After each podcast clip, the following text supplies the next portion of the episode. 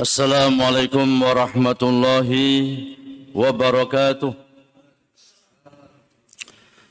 إن الحمد لله نحمده ونستعينه ونستغفره ونتوب إليه ونعوذ بالله من شرور أنفسنا ومن سيئات أعمالنا من يهديه الله فلا مضل له ومن يضلل فلا هادي له أشهد أن لا إله إلا الله وحده لا شريك له وأشهد أن محمدا عبده ورسوله اللهم صل وسلم وبارك على نبينا محمد وعلى آله وصحبه أجمعين وبعده Jamaah salat maghrib yang dimuliakan Allah subhanahu wa ta'ala alhamdulillah Kita memuji dan bersyukur kepada Allah Subhanahu wa taala atas melimpah nikmat dan karunia yang telah Allah limpahkan kepada kita.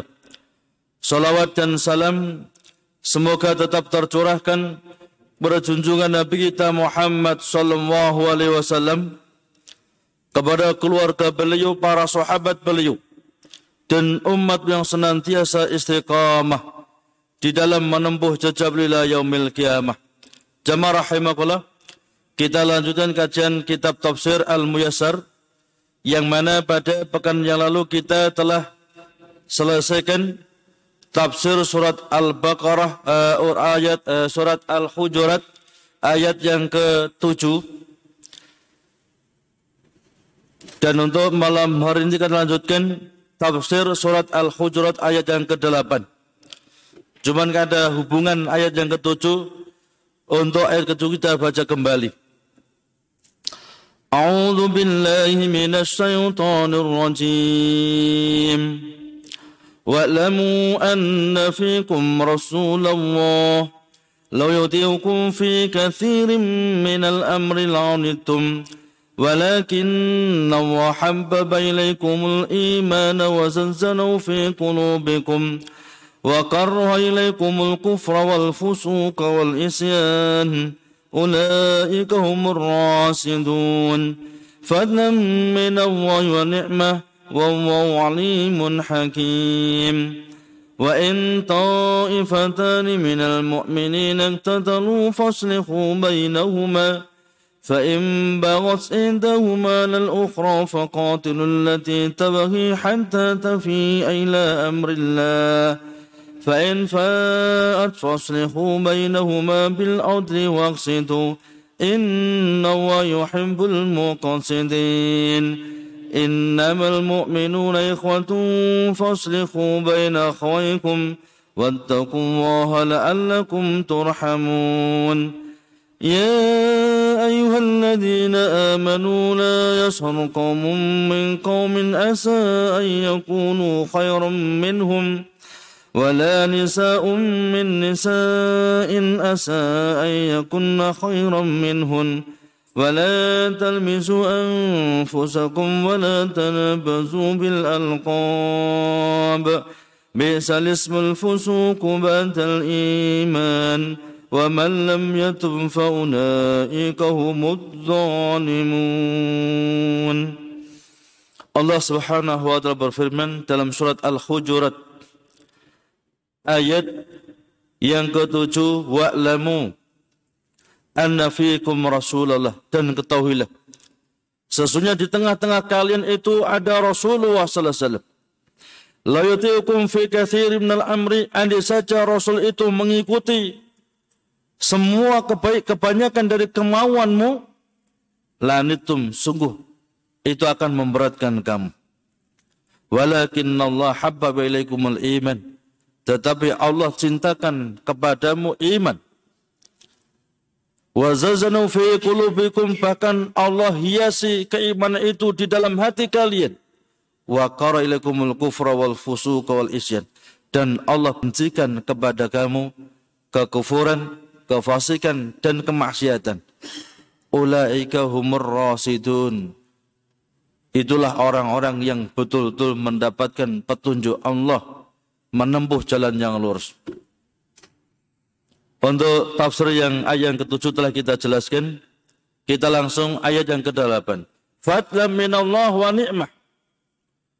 Fadlan sebagai karunia dari Allah wa ni'mah dan nikmat yang Allah berikan kepadamu. Jadi kita bisa beriman kepada Allah. Baik iman kita, kita jauh dari kekufuran, kita menjauhi kefasikan, kemaksiatan, itu semata-mata fadlan minallah wa ni'mah. Itu karunia yang Allah karuniakan kepada kita, bahkan nikmat yang Allah berikan kepada kita. Wallahu alimun hakim dan Allah mengetahui sekaligus hakim maha menghukumi adum bijaksana. Wa hadzal khairul ladzi haslahum fadlun minallah alaikum wa ni'matun. Dan kebaikan-kebaikan yang di atas tadi dicintakan iman, semakin baik imannya, jauh dari kekufuran dan seluruhnya itu hakikatnya adalah karunia dan nikmat yang Allah berikan kepada kalian. Wallahu alimun bima yaskurun ni'amahu. Dan Allah maha mengetahui siapa-siapa yang mau syukur akan nikmat yang Allah berikan.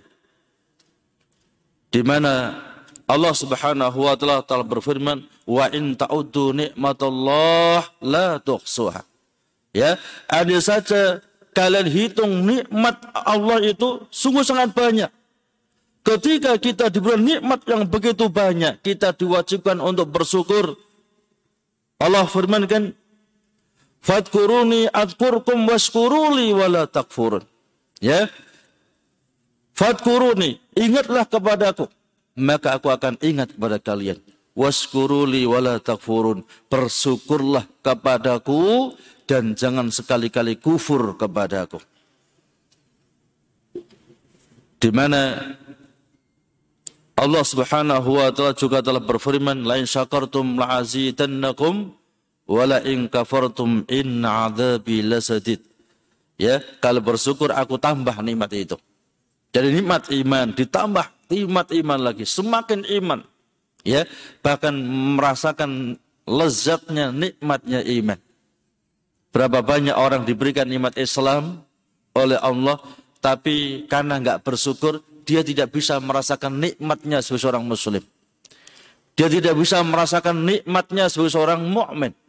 Sehingga mudah untuk keluar dari agama Allah Subhanahu wa taala.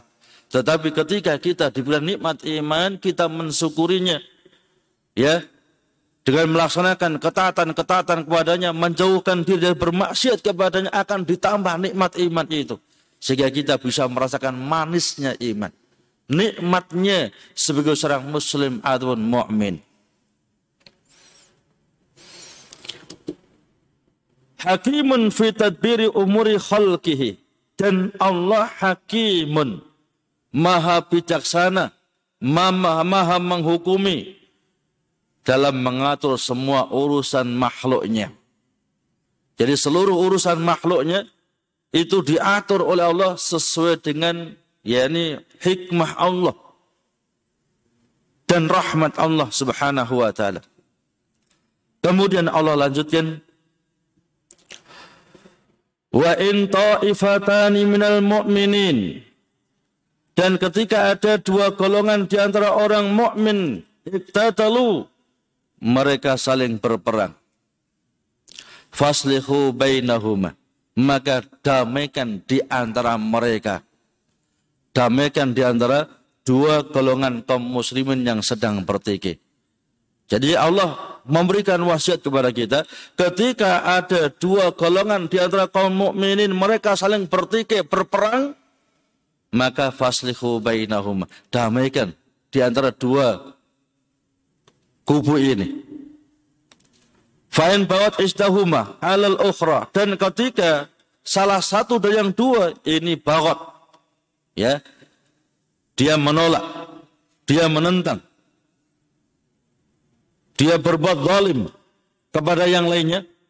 Faqatul lati tabghi. Maka perangilah orang-orang yang zalimin. Hatta tafi'a ila amrillah. Sampai mereka mau kembali kepada hukum Allah Subhanahu wa taala fa in fa'at faslihu bainahuma bil adli waqsitu fa in fa'at dan ketika mereka telah kembali faslihu bainahuma maka damaikan mereka berdua bil adli waqsitu dengan adil dan berbuat adillah. Innallaha yuhibbul muqsidin. Sesungguhnya Allah sangat mencintai hamba-hamba yang berbuat keadilan. Wa in ta'ifatan min ahli iman iktatalu faslihu ayyuhal mu'minun bainahuma. Apabila ada dua kubu di antara orang-orang yang beriman itu sedang bertikai, sedang berkelahi, sedang berperang, faslihu ayuhal mu'minun, wahai orang yang beriman, damaikan mereka. Bagaimana caranya? Bidakwatihima ilal ihtikam ila kitabillah wa sunnati rasulillah sallallahu. Untuk menyeru mereka berdua berhukum kepada kitab Allah Al-Quran dan sunnah Nabi-Nya Muhammad SAW. Waridho bi hukmihima. Dan ridho dengan hukum keduanya. Jadi ketika ada dua golongan kaum muslimin sedang bertikai, kita diperintahkan untuk mendamaikan. Jangan sampai malah manas-manasi. Jangan sampai malah yakni membuat hal yang justru memicu semakin terjadi perpecahan atau terjadi permusuhan di antara mereka. Maka ajak mereka untuk kembali berhukum kepada firman Allah dan sabda Nabi kita Muhammad sallallahu alaihi wasallam dan kewajiban kita orang yang telah beriman kepada Allah dan Rasulnya maka semua perkara kita semua perselisihan yang terjadi itu kembalinya kepada firman Allah dan sabda Nabi kita Muhammad sallallahu alaihi wasallam. Allah Subhanahu wa taala telah berfirman,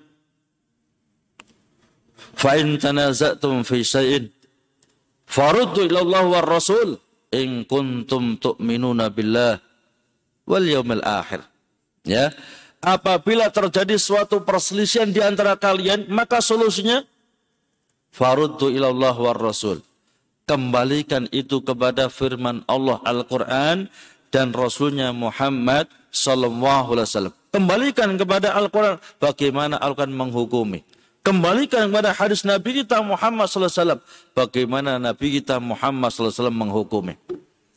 Maka benar ketika Allah Subhanahu wa taala berfirman, "Fala wa rabbika la yu'minuna hatta yuhaqqimuka fi ma shajara bainahum." thumma la yajidu fi anfusihim harajan mimma qadaita wa yusallimu taslima. Allah berfirman dalam surat An-Nisa ayat yang ke-65, "Fala wa rabbika." Maka ya demi Rabbmu sekali-kali mereka tidak beriman. Hatta yuhaqqimuka fi ma sadar bainahum. Sampai mereka menjadikan engkau Muhammad sebagai hakim di antara perselisihan di antara mereka. Sebagai hakim dalam perselisihan di antara mereka thumma la yajudu nafi anfusihim haraja mimma qadaita kemudian tidak dapatkan di dalam hati mereka rasa berat atas keputusan yang telah engkau putuskan wa yusallimu taslima dan mereka betul-betul menerima berserah diri terhadap keputusan yang telah engkau putuskan. Jadi Allah firmankan fala wa rabbika demi Allah mereka enggak iman itu. Sampai mereka menjadikan engkau Muhammad sebagai hakim atas perselisihan yang terjadi di antara mereka. Maka ketika perselisihan di antara kita kaum muslimin dikembalikan kepada Allah dan Rasulnya mudah. Ya, mudah untuk kembali, mudah untuk bisa rujuk, mudah untuk berdamai. Tapi kalau dikembalikan orang per orang, apalagi hawa nafsu ini nggak akan selesai. Maka solusi yang diberikan oleh Allah ya adalah idza tanaza'tum fi syai'in faruddu ilallah wa rasul. Maka Allah Subhanahu wa taala mengancam ketika kita ini menyelisihi perintah Nabi. Tidak mau kembali kepada apa yang ditentukan oleh Nabi. Allah mengancam fal yahdharil ladzina yukhalifuna an amrihi an tusibahum fitnah aw yusibahum adzabun alim. Ya, hendaklah orang-orang yang menyelisih perkara Nabi ajaran Nabi, ketentuan Nabi, hukum Nabi. Mereka takut antusibum fitnatun ketika mereka tertimpa suatu fitnah. Yang dimaksud fitnah ini ketika dia menyelisih perintah Nabi, tidak mau kembali kepada ajaran Nabi, akan diberikan fitnah dalam hatinya. Ya, hatinya senantiasa menolak, menolak dan menolak ajaran Nabi kita Muhammad SAW. Bahkan sampai titik akhir dia ragu-ragu dengan ajaran Nabi kita Muhammad SAW. Au yusibum adzabun alim atau mereka akan tertimpa ditimpakan atas mereka adab yang sangat pedih. Maka ketika dipanggil kepada Allah dan Rasulnya, kewajiban kita adalah sami'na wa ta'na. Ya, di mana Allah telah berfirman, "Innama qalal mu'minin idza du'ila Allah wa rasulih." Ya, sesungguhnya ucapan orang yang beriman ketika dipanggil kepada Allah dan Rasulnya, mereka akan mengatakan sami'na wa ta'na. Ya. Kemudian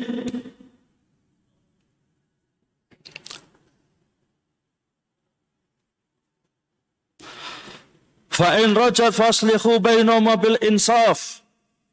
Ketika mereka itu sudah mau kembali kepada hukum Allah dan Rasulnya, maka faslihu bainahuma bil insaf. Maka damaikan mereka berdua dengan cara insaf, dengan cara adil, bijak. Wa'dilu fi hukmikum bi alla tatajawazu fi ahkamikum hukmallah wa hukma rasulih Muhammad SAW. Di mana kalian tidak melampaui batas dari batasan hukum Allah dan Nabi-Nya Muhammad sallallahu alaihi wasallam. Inna Allah yuhibbul adilin fi ahkamihim al-qadina baina halqi bil qisti. Karena sesungguhnya Allah mencintai hamba-hamba yang bisa bersikap adil. Jadi ketika ter terjadi perselisihan di orang mukmin, ya, maka damaikan, ya, damaikan dengan cara adil bukan membela satu mengalahkan yang lain, tapi dengan cara yang bijak, yang adil. Ya, tentunya adil itu batasannya dengan firman Allah dan sabda Nabi kita Muhammad sallallahu alaihi wasallam. Maka dalam ayat ini ya, fil ayati isbatu sifatil mahabbah lillah alal haqiqah kama yaliku bijalalihi wa subhanahu wa ta'ala. Maka dalam ayat ini ditetapkan sifat mahabbah bagi Allah. Ya, Allah punya sifat al-mahabbah, cinta. Maka kita sebagai orang mukmin harus menetapkan sifat yang telah ditetapkan oleh Allah dalam Al-Qur'an. Ya, secara hakikatnya sesuai dengan keagungan dan kebesaran Allah Subhanahu wa taala. Karena Allah laisa kamislihi sayun, ya. Tidak ada yang sepadan dengan Allah Subhanahu wa taala. Kelanjutan ayat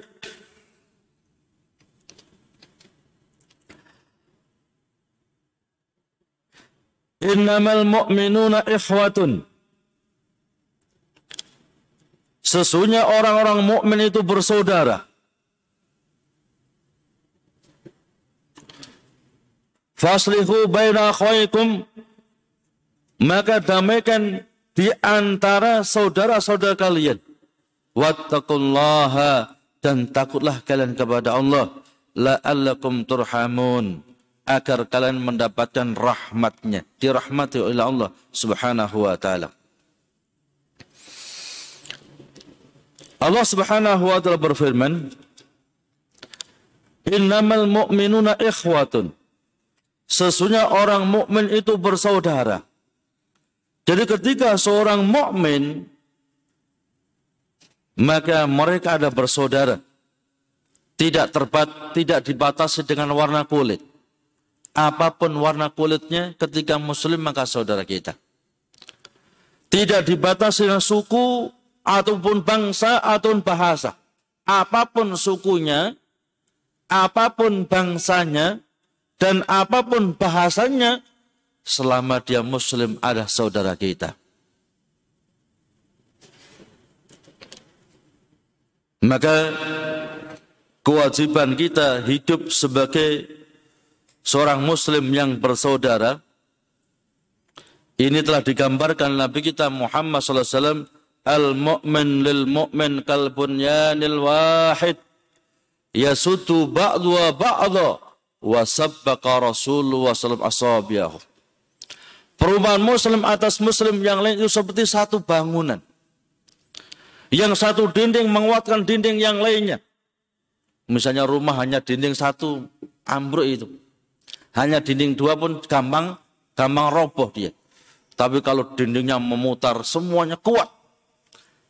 Jadi Nabi kita Muhammad SAW menjelaskan al-mu'min lil mu'min kal bunyanil wahid. Mukmin atas mukmin yang lain itu ibarat satu bangunan ya sutu ba'du wa ba'du. Ya dinding yang satu menguatkan dinding yang lainnya.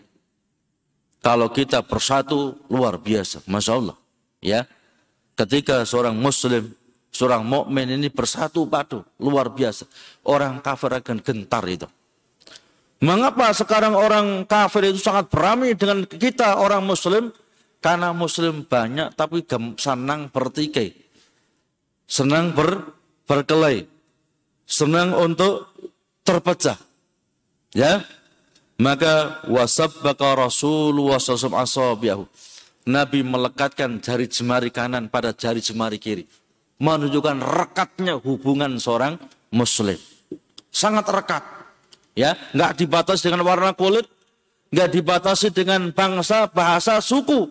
Tapi setiap dia muslim, maka saudara kita wajib untuk kita muliakan.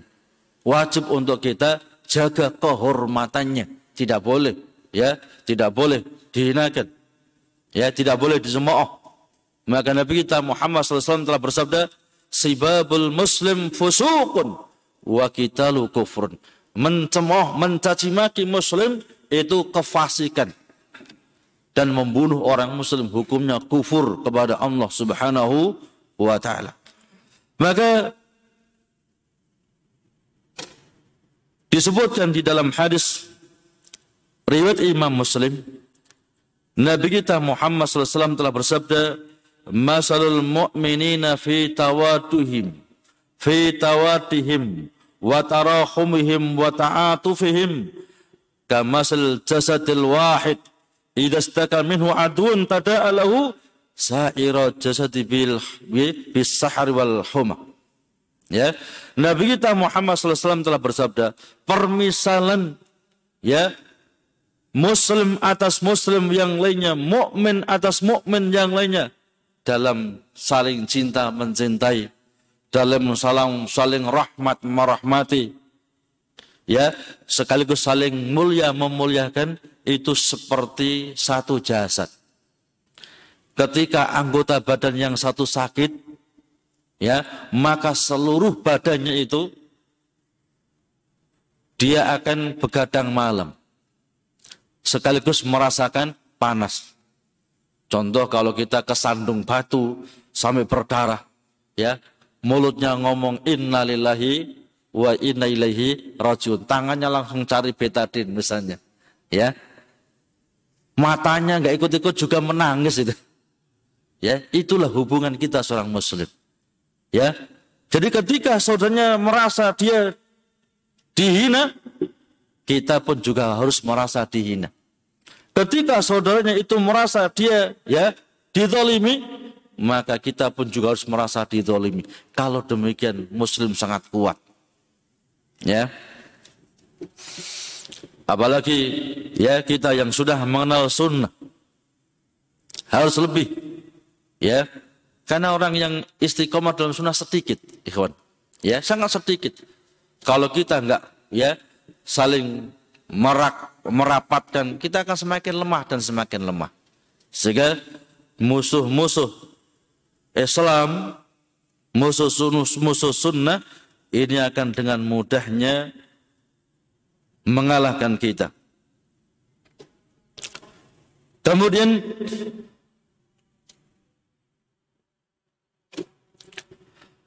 Faslihu baina akhaikum idza tatala. Maka damaikan di antara dua saudara kalian ketika mereka bertikai. wa khafullaha fi jami umurikum raja'an an turhamu. Maka takutlah kamu kepada Allah dalam semua perkara kamu. Ya, dalam semua urusan kita adalah kita bertakwa kepada Allah. Ya, waktu kita dagang, waktu kita sebagai pegawai, waktu kita sebagai ya macam-macam. Kita harus bertakwa kepada Allah. Makanya wasiat Nabi kita Muhammad SAW, Ittaqillah haithuma kunta Watsfi sayyatal hasanata tamhuha wa khaliqin nasa bi khuluqin hasan. Ittaqilah haitsuma kunta, takutlah kamu kepada Allah. Bertakwalah kamu kepada Allah di mana pun Anda berada. Di masjid kita bertakwa, di pasar kita bertakwa sehingga enggak curang. Di jalan kita enggak juga harus bertakwa sehingga matanya enggak ya pelira pelirik ke mana-mana. Di mana pun kita berada diperintahkan untuk bertakwa. Bukan hanya di masjid, di mana pun. Bertakwa. Ya, ittaqillah haitsuma kunta. Wajbi sayyi'atal hasanatan tamhuha. Dan ikuti perbuatan dosa dengan amal soleh. Jadi ketika kita ini habis berbuat dosa, ya, karena manusia itu nggak ada yang maksum. Ya, Nabi telah bersabda, "Kullu bani Adam hatta Setiap anak cucu Adam pasti berbuat salah. Oh Ustaz nggak mungkin salah. Nggak mungkin. Ya, pasti berbuat salah. Siapa pun dia. Ya, maka kalau antum cari teman yang nggak punya salah, nggak mungkin nemu teman. Antum cari ustadz yang nggak punya dosa, nggak mungkin ketemu ustadz itu. Sampai mati nggak akan dapat. Karena kita ini pasti berbuat dosa. Cuman rahmat Allah menutupi kekurangan kita menutupi dosa kita, ya, menutupi kesalahan kita. Ya. Raja antur anturhamu. Kita bertakwa kepada Allah agar kita ini dirahmati oleh Allah, ya, disayangi oleh Allah. Berkata Habib ini tolak belum menjelaskan masalah takwa, kata beliau at-taqwa ayu fala Ayo tok. Kita senantiasa ingin taat kepada Allah Subhanahu wa taala. Dan jangan sekali-kali bermaksiat. Yang kedua, ayuskar fala yukfar. Kita senantiasa syukur kepada Allah. Semua yang kita miliki semata-mata karunia Allah. Ya, apa yang kita dapatkan itu semata-mata karuna Allah Subhanahu wa taala. Maka harus syukur. Jangan sampai kufur. Wa yudkar fala yunsa. Dan takwa yang kedua adalah senantiasa ingat Allah, jangan sampai lupa kepada Allah. Makanya ya dalam ajaran Islam dalam aspek seluruh aspek kehidupan kita ini kita diberitakan untuk mengingat Allah. Kita masuk kamar mandi berdoa keluar kamar mandi berdoa, masuk rumah berdoa, keluar rumah berdoa, masuk masjid berdoa, keluar masjid berdoa, naik kendaraan berdoa. Bahkan mau tidur kita berdoa. Bahkan bangun malam ketika ya mungkin mimpi buruk kita pun juga berdoa. Semua aspek kehidupan kita itu doa, doa dan doa agar kita senantiasa mengingat Allah Subhanahu wa taala. Maka benar kata yakni salah seorang kibarut tabi'in Habib ini tolak ya. Termasuk mana takwa adalah ayut karfala yunsa. Senantiasa ingat kepada Allah dan jangan sekali-kali melupakan Allah Subhanahu wa taala. Kemudian kelanjutan ayat. Ya ayyuhalladzina amanu wa orang-orang yang beriman. La yashar qaumun min qaumin Janganlah suatu kaum itu mengolok-olok kaum yang lainnya. Asa ayyakunu khairan minhum. Bisa jadi orang yang diolok-olok, kaum yang diolok-olok itu lebih mulia, lebih baik dibandingkan kaum yang mengolok-olok. Wala nisa'um min nisa'in asa ayyakuna haram minhun. Dan jangan pula ada seorang wanita yang mengolok-olok pada wanita yang lain asa ayakunna khairan minhun. Bisa jadi wanita-wanita yang diolok-olok itu ternyata lebih baik dibandingkan wanita-wanita yang mengolok-olok. Wala talmisu anfusakum dan janganlah kalian memberikan gelar-gelar yang buruk ya kepada sesama kalian. Wala talmisu anfusakum wala tab wala tanabazu bil alqab dan jangan memberikan gelar-gelar yang buruk. Bi'sal ismul fusuku ba'dal iman seburuk-buruknya nama gelar adalah gelar-gelar yang buruk yang fasik setelah dia beriman. Wa man lam yatub faulaika humudz dan barang siapa yang tidak bertobat dari perbuatan ini mereka lah orang-orang yang zalim. Ya ayyuhalladzina saddaqullaha wa rasulahu wa amilu bisyara bisyariatihi. Wahai orang-orang yang beriman kepada Allah dan Rasulnya dan melaksanakan syariat Allah dan Rasulnya Muhammad sallallahu alaihi wasallam. Janganlah kalian itu mengolok-olok suatu, suatu kaum kepada kaum yang lainnya. Bisa jadi kaum yang diolok-olok itu lebih mulia lebih baik dibandingkan kaum yang mengolok-olok. Dan jangan pula ada wanita-wanita, para wanita yang mereka mengolok-olok para wanita yang lainnya. Bisa jadi wanita-wanita yang diolok-olok itu lebih mulia, lebih baik dibandingkan wanita-wanita yang mengolok-olok. Para ulama kita menjelaskan di sini ada tambahan wala nisa'um min nisa'in. Dan jangan ada wanita-wanita mengolok pada wanita-wanita yang lainnya. Dikhususkan penyebutan nisa. Mengapa? Karena biasanya gampang mengolok wanita. Ya. Disebutkan dalam tafsir Imam Al-Qurtubi. Dikhususkan penyebutan wanita. Mengapa? Karena biasanya yang seneng olok-olok seneng rasan-rasan, seneng macam-macam itu adalah wanita. Padahal Anda saya sebutkan ya ayuhalladzina amanu itu cukup.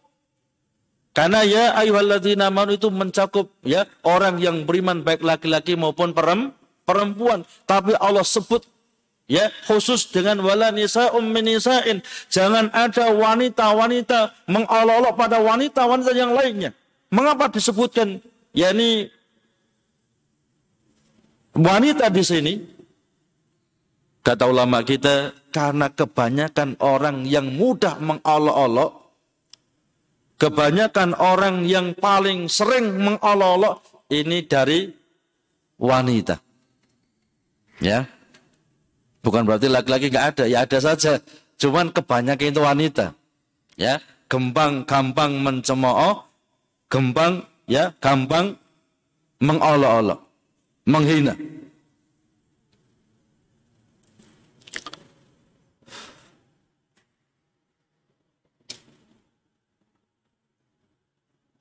Wala ya'ib.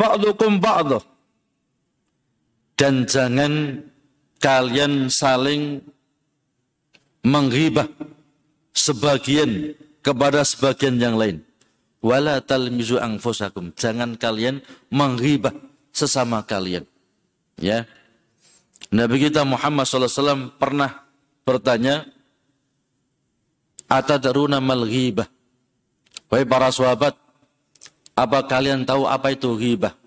Ya.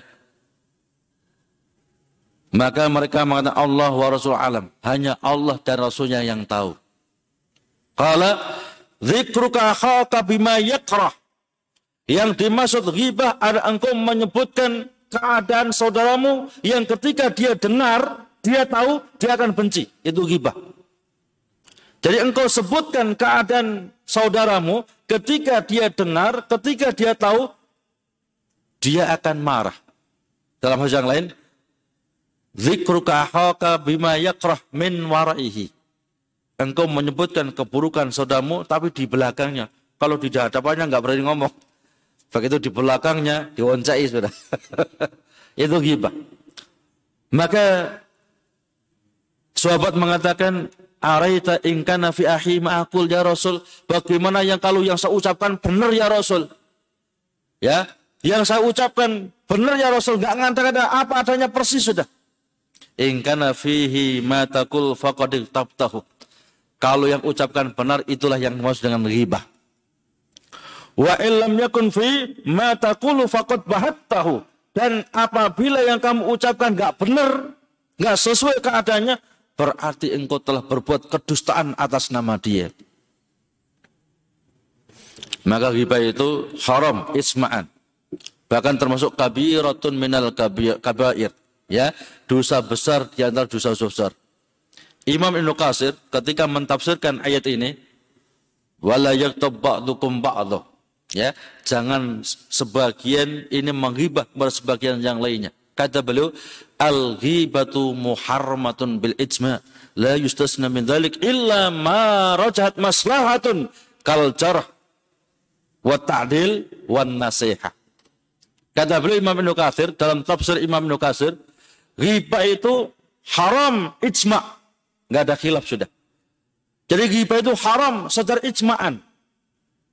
Nggak ada khilaf banyak ulama. Illa ma rajahat maslahatun kecuali hibah yang di situ membawa manfaat.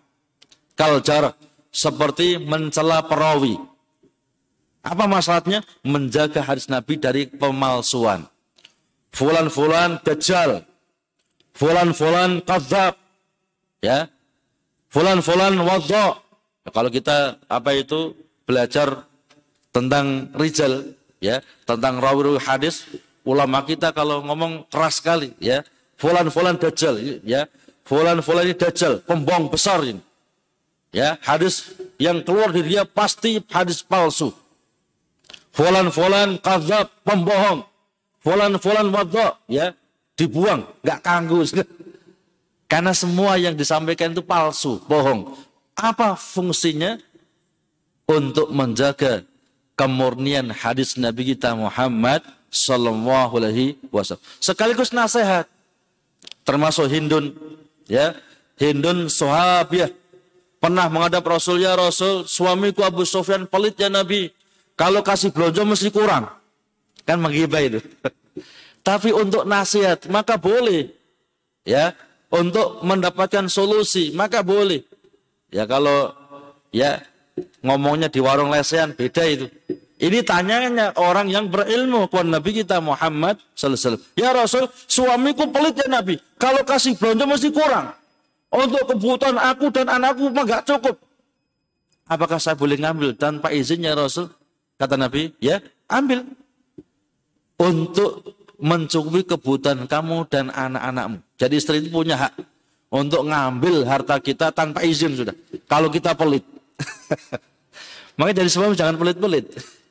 Nanti diambil tanpa izin kita nanti. Ya, jadi kasih, jangan pelit-pelit sudah.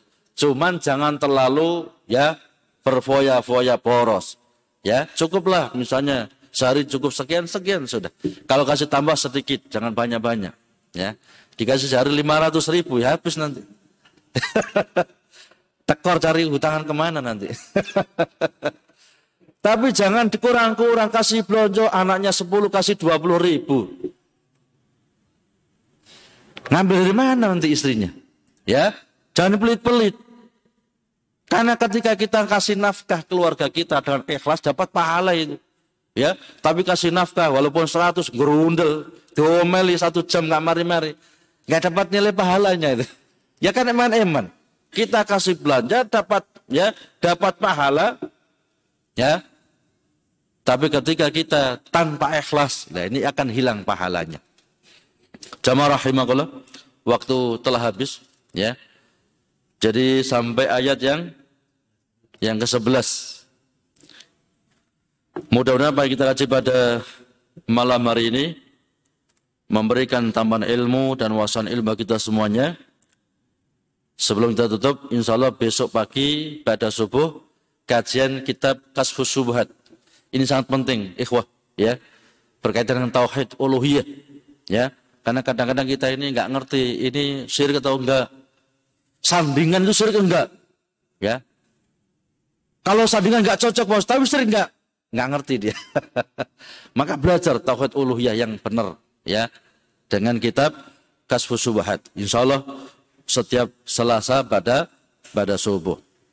Kita tutup dengan doa kafaratul majlis. Subhanallah. Asyhadu an la ilaha illa anta astaghfiruka wa atubu ilaik. Assalamualaikum warahmatullahi wabarakatuh.